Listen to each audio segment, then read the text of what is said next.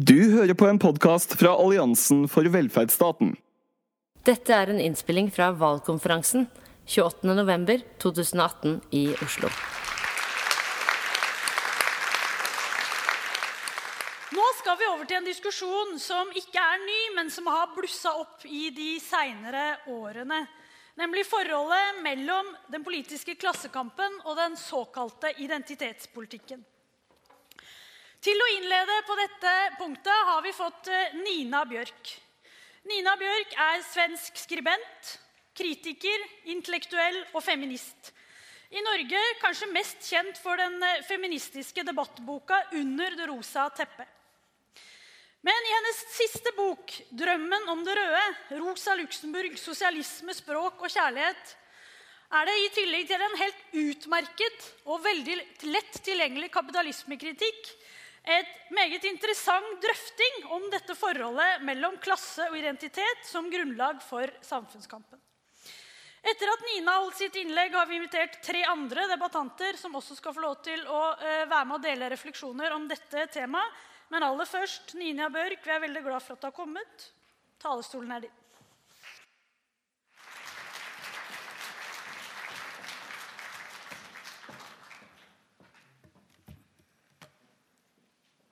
Tack. Det var flott att få komma hit. Oj, vad många. Jag måste ha på mig mina läsglasögon. Ja, vi... Och så ska jag se vad klockan är, så att jag håller min tid.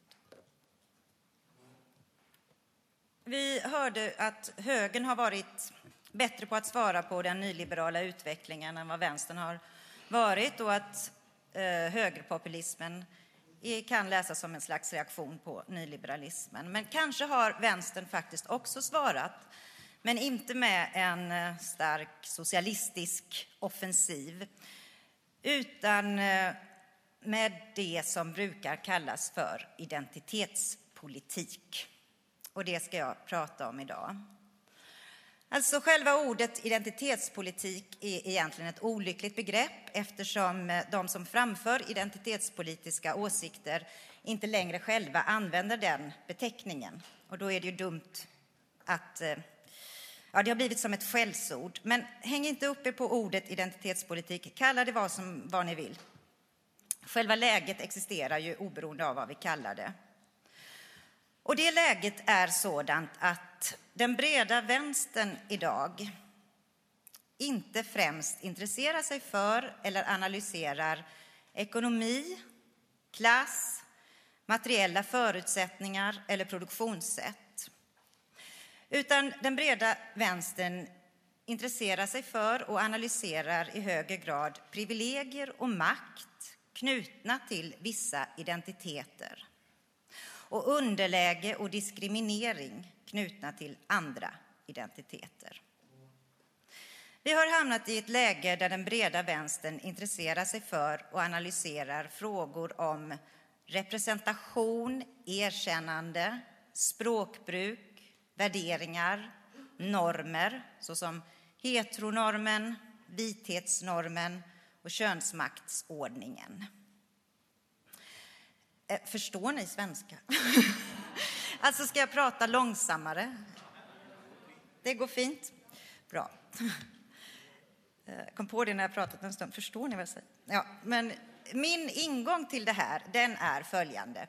Om vi vill ha en radikal politik i ordets bokstavliga mening, alltså en politik som går till roten, så måste vi ändra den grundläggande strukturen för vårt samhälle.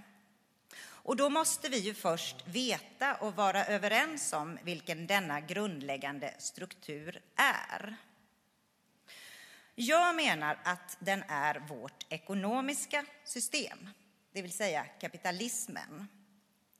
Och det innebär att jag inte menar att den grundläggande strukturen för vårt samhälle är rasismen eller sexismen eller heteronormen. Om man hyser denna åsikt, det vill säga om man är marxist, så är det alltså nödvändigt att förstå vad kapitalism är och vad kapitalism kräver. Och själva det här ordet, kapitalism, Det har ju faktiskt återkommit som begrepp. Det används i den offentliga debatten idag mycket mer än vad det gjorde för 20-30 år sedan. Samtidigt så råder det förvirring kring ordet. Alltså, vad är kapitalism? Är det en ideologi? Är det en uppsättning normer och värderingar? Handlar kapitalism om girighet? Jag tror att det är viktigt att vi kommer ihåg att kapitalismen i grunden inte är någonting av det här, utan det är helt enkelt ett produktionssätt. Alltså sättet på vilket människor i ett visst samhälle försörjer sig. Eh, ett produktionssätt det handlar ju om principerna för hur vi bestämmer vilka arbetsuppgifter som överhuvudtaget ska utföras i ett samhälle och hur vi bestämmer hur frukterna av detta arbete ska fördelas. Det har ju funnits andra produktionssätt genom historien, feodalsamhällen, slavsamhällen, självförsörjande samhällen. Och alla är då olika produktionssätt. Idag lever vi av och med kapitalism. Eh, ja, ni vet att det produktionssättet bygger på att vissa äger företag, kapital, produktionsmedel och att andra inte äger detta utan enbart äger sin egen förmåga att arbeta. Och denna förmåga säljer hen då till den som äger, till kapitalisten eller entreprenören eller vad vi kallar dem idag. Och då får arbetaren en lön så kan arbetaren köpa de varor på en marknad som hen behöver för sin överlevnad. Och efter den här operationen så får kapitalisten en vinst. Och det är den här vinsten som är syftet med vår produktion. Det är jakten på den vinsten som avgör vad vi gör om dagarna, vad vi arbetar med. Och där har vi, har vi en slags formel för det kapitalistiska produktionssättet, alltså varuproduktion för en marknad i syfte att uppnå vinst, där produktionsmedlen inte ägs gemensamt utan är i privat ägo. Och där detta står utanför den demokratiska eh, politiska sfären. Vi har ju inte eh, en ekonomi som är, vi har inte en politiskt demokratisk ekonomi.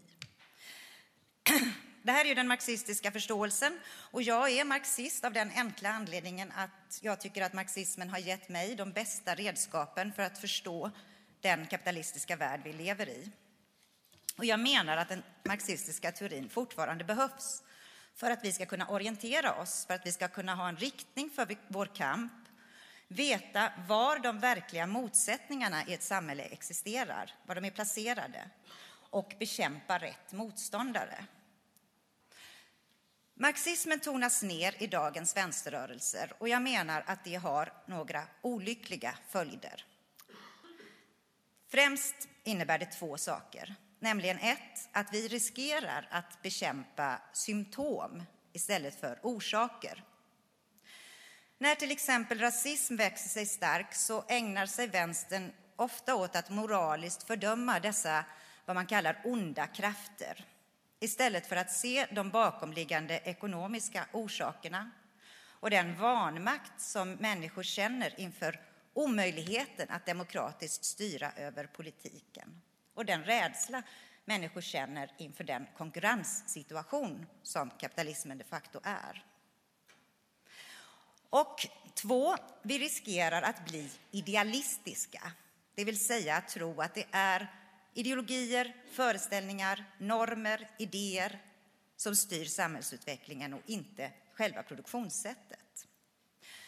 För att tala marxistiska så reagerar vänstern idag allt för ofta på överbyggnaden och inte på det som händer i basen. Och därmed så blir vänstern mindre systemkritisk och mer liberal. Enligt den marxistiska teorin så ligger ju den grundläggande konflikten i samhället mellan de som äger kapital och kan leva på andras arbete och de som måste sälja sin eh, arbetskraft på en marknad. Det vill säga den grundläggande konflikten är en klasskonflikt i den här breda bemärkelsen som jag har glömt namnet på, en herre som talade om tidigare. Eh, alltså förhållandena till produktionsmedlen. Där, där ligger den grundläggande konflikten. Men en sådan marxistisk analys möter idag motstånd naturligtvis från högern, som inte alls håller med om den, men också från den breda vänstern. För där vissa menar att en sån analys Den bortser från hur arbetarklassen idag de facto ser ut. Arbetarklassen idag, säger de, och har de fullständigt rätt i, den består av kvinnor, homosexuella människor, rasifierade människor eh, och inte, som de menar att vi marxister menar, av vita heterosexuella män. Men då är det ju ändå så att i en marxistisk analys så är det faktiskt ointressant vilka identiteter arbetarklassen består av. För den är en plats i produktionen. Och den här anklagelsen från identitetspolitiskt håll att marxister blundar för hur arbetarklassen verkligen ser ut, vilka identiteter den bygger på. Den anklagelsen visar i sig att vi är inte ense om vad vi är oense om. Och nu ska jag försöka hinna bena upp och kritisera några bärande tankar i den här vänsterrörelsen som vi kan kalla för den identitetspolitiska, men det är olyckligt, vi kan säga den rättighetsbaserade eller den maktkritiska. Ehm, ett viktigt begrepp i den delen av vänstern är begreppet intersektionell. En intersektionell analys det är en analys där man menar att olika förtryck och underordningar samspelar, förstärker eller motarbetar varandra. Och där man inte ser någon mening i att leta efter olika grunder för olika över och underordningar. Utan att man menar att de har ett och samma ursprung. Och inom just den identitetspolitiska vänstern så är det idag vanligt att kalla detta ursprung för kapitalism, oavsett vilket förtryck vi talar om. Jag ska bara ge ett kort exempel på hur den analysen kan låta. Och det kommer från en artikel i en amerikansk tidskrift som heter Left Voice, alltså vänsterrösten. Och den är skriven vid ett namn, en man som heter Albert L. Terry och han betecknar sig själv som socialist. Och då står det så här. Kapitalism är ett rasistiskt, eller jag vet inte hur man översätter det, white supremacist, vit överlägsenhetsaktigt, rasistiskt misogynt, cisnormativt. Vet ni vad cisnormativ är?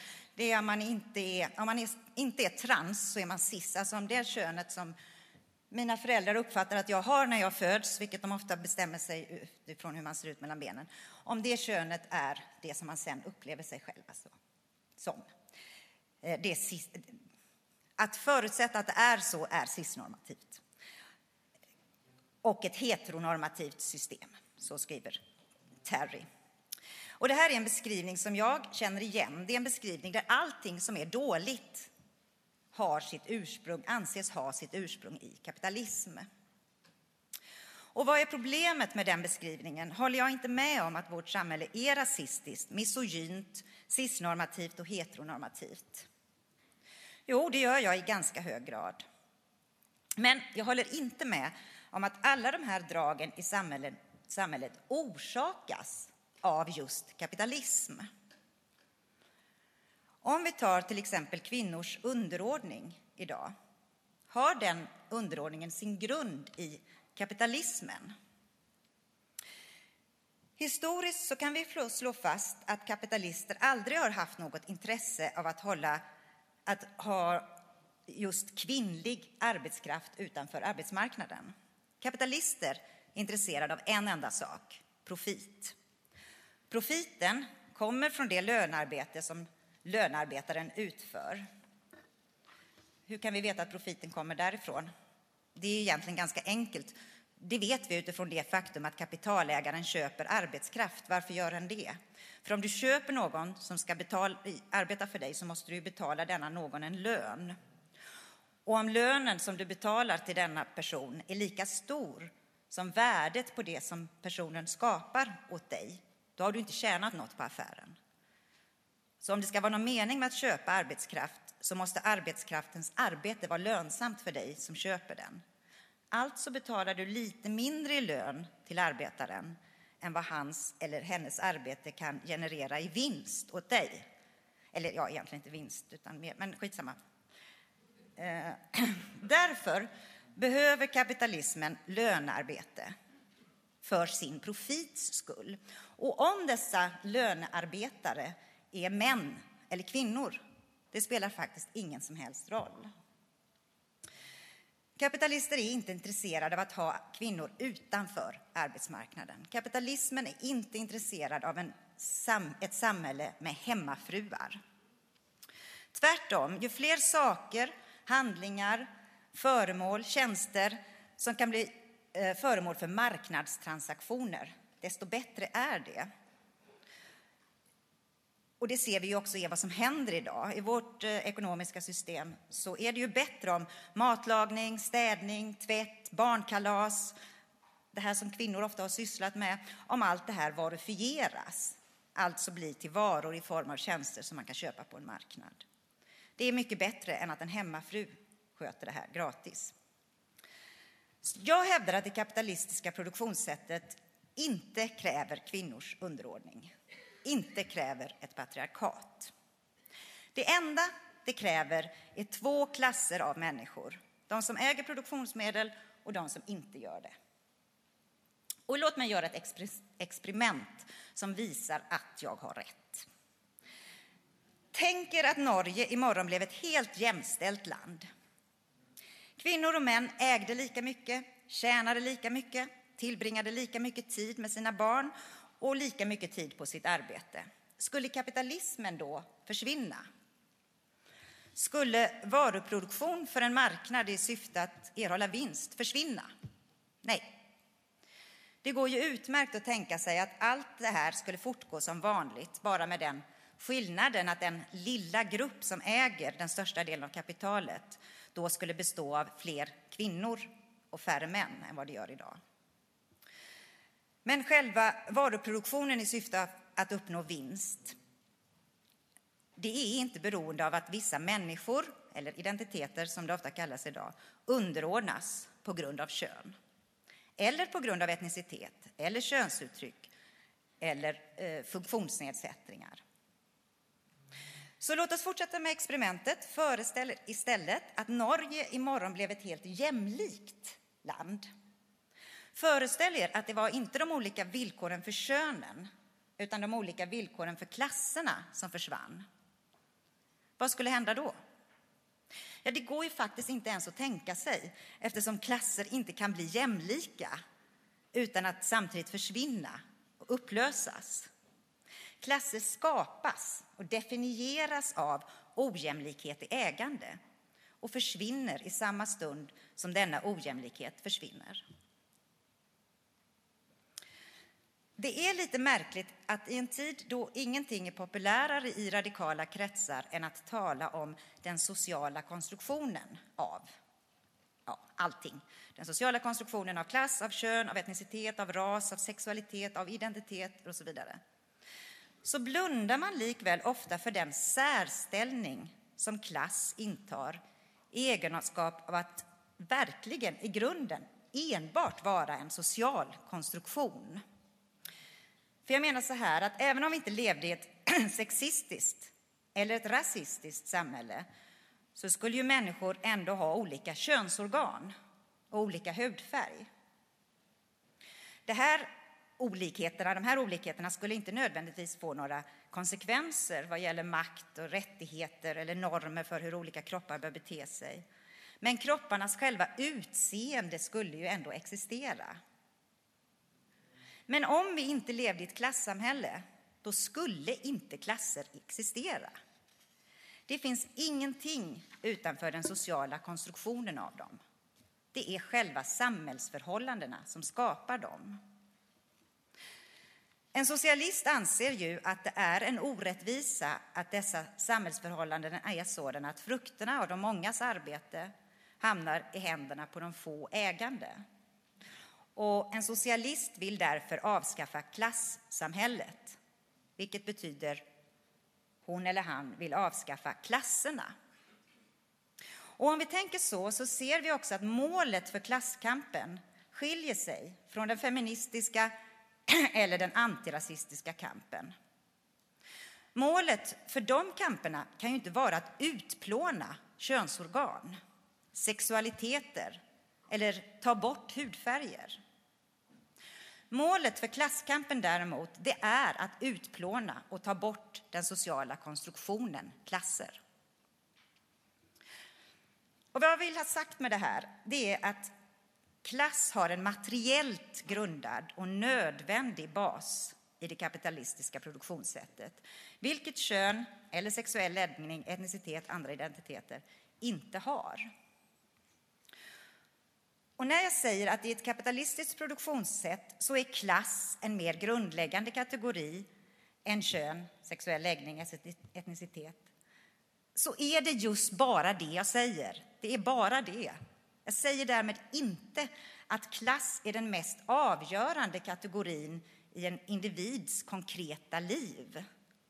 Att klass är det som för individen är eller erfars som det viktigaste för honom eller henne. Att klass har en särställning är på grund av att det är den kategori som utgör förutsättningen för själva det kapitalistiska produktionssättet. Men det innebär inte att klass för den enskilda individen måste erfaras som det mest avgörande eller det som gör mest ont i hans eller hennes liv. För vi bör här, som så ofta, skilja på en analytisk nivå och en beskrivande nivå. Vi kan ha analyser av och teorier om hur kapitalismen är uppbyggd och hur den reproduceras. Det har ju marxismen. Men den teorin kommer aldrig att svara på frågan hur känns kapitalism för den enskilda individen? Vad teorier vill, det är ju att inte att förstå hur någonting känns, utan orsaken till någonting. Teorier vill bidra till analysen av någonting. Samtidigt är det ju naturligtvis så att det kapitalistiska samhället aldrig i det levande livet möter oss som en teori.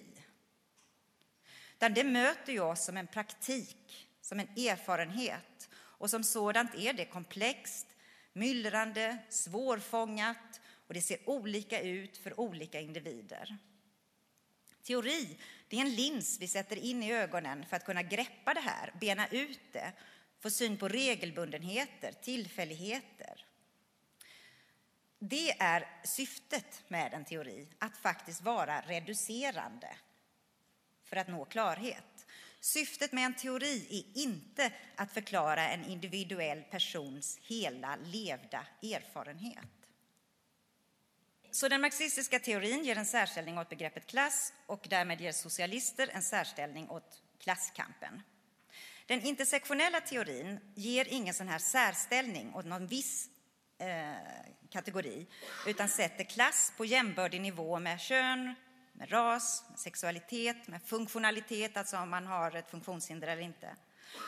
Och den kamp som intersektionell eh, teori sätter i förgrunden är därför kampen för representation av olika identiteter i olika sammanhang och en kamp mot olika former av diskriminering. Eh, Eh, så här kan det till exempel stå i en intersektionell analys gjord av eh, partiet Feministiskt initiativ som finns i Sverige och som också finns i Norge numera. Eh, som har samlat många inom den breda vänstern och även en del socialliberaler. Det står så här. Målet för den feministiska politiken är ett samhällsbygge som skapar utrymme för alla människor att utveckla sin fulla potential, oberoende av kön, sexuell läggning, föreställningar om ras, etnicitet, funktionalitet, klass, religion eller trosuppfattning, könsuttryck, könsidentitet, ålder eller medborgarskap. För att uppnå vårt mål måste vi sätta antidiskrimineringen i fokus för det politiska arbetet. Så i en sån här analys så blir klass något som kan vara diskriminerande för den enskilda individen på samma sätt som kön eller hudfärg kan vara det. Men stämmer det? I den svenska standarduppslagsverket Nationalencyklopedin så definieras diskriminering som särbehandling av individer eller grupper om en orättvisa. Och man kan lätt tänka sig fall där någon särbehandlas på grund av kön eller hudfärg eller sexuell läggning. Men faktiskt inte vad gäller klass. En person från arbetarklassen kan inte komma till en diskrimineringsombudsman och säga titta, jag är särbehandlad. Jag är utsatt för en orättvisa, för jag äger inte produktionsmedlen utan bara min egen arbetsförmåga. Och jag är därför utelämnad till att acceptera den ägande klassens villkor om jag vill försörja mig. Mhm, skulle diskrimineringsombudsmannen säga. So what? För det här förhållandet det är ju inte en orättvisa i ett kapitalistiskt samhälle, utan det är ju ett grundläggande villkor för det samhället. Klass bygger inte på, uppstår inte genom fördomar mot eller föreställningar om arbetare. Så som till exempel rasism bygger på fördomar mot och föreställningar om invandrare. Det här betyder inte att det inte kan finnas fördomar mot arbetare, precis som det finns mot kvinnor eller homosexuella eller så vidare. Men när vi överhuvudtaget börjar prata om fördomar så har vi rört oss från basen till överbyggnaden, där det som sker i basen ska legitimeras. Och då rör vi oss på ett annat plan än det rent materiella.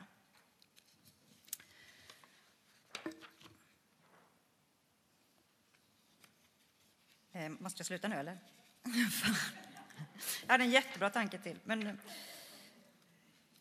Jag ska, börja, jag ska, jag ska sluta. Jag ska bara säga, så att det inte låter som att jag hatar en massa grejer här. Det är naturligtvis så att eftersom alla de här olika förtrycken, under och överordningarna som finns i ett samhälle inte beror på, klass, på kapitalism, enligt mig, så är det väldigt viktigt att, att olika kamper förs samtidigt med den antikapitalistiska kampen eller den mer reforminriktade arbetarrörelsekampen.